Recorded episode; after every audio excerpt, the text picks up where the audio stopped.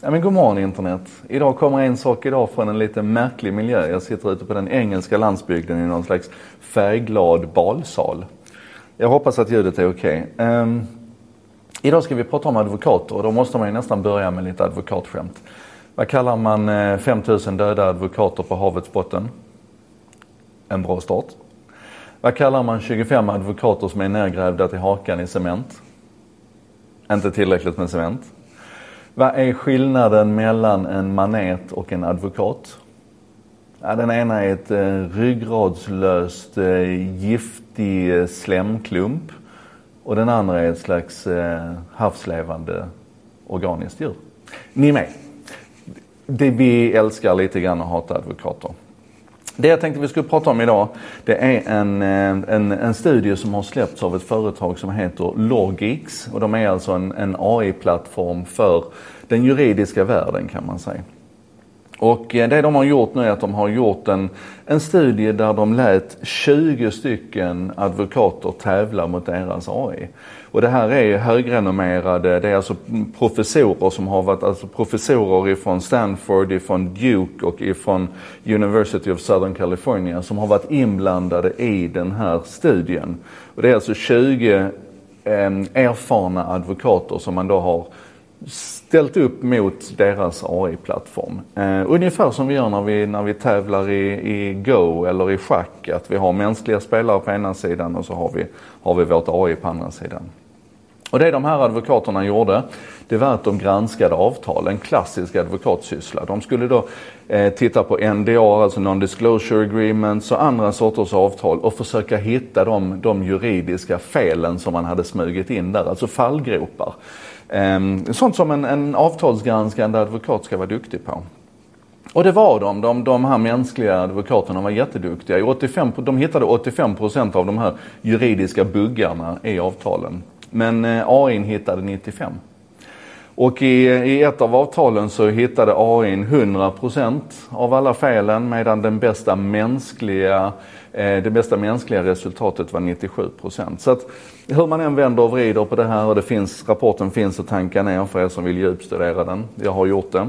Eh, hur man än vänder och vrider på det så kommer man fram till att eh, AI är bättre än advokaterna. AI är bättre än människorna på att hitta felen här. Och det här, det här överraskar kanske inte någon. Jag måste bara säga, jag tycker det är så roligt också. Alltid när man läser sådana här texter så kommer det ett sånt här litet, ett litet friskrivande. Det står så här. This technology will never fully replace a human lawyer, but it can certainly speed up their work by highlighting the most important sections of a story. Varför måste vi hålla på så? Varför kan vi inte erkänna att det kommer, vi kommer komma i situationer där AI ersätter oss på riktigt? Jag tror vi måste erkänna det. Och det här är lite spännande. Till bakgrund då mot de här, de här skämten om, om advokater. De bygger ju naturligtvis på idén om att advokater är giriga och att de alltid kommer in i tuffa situationer. Så.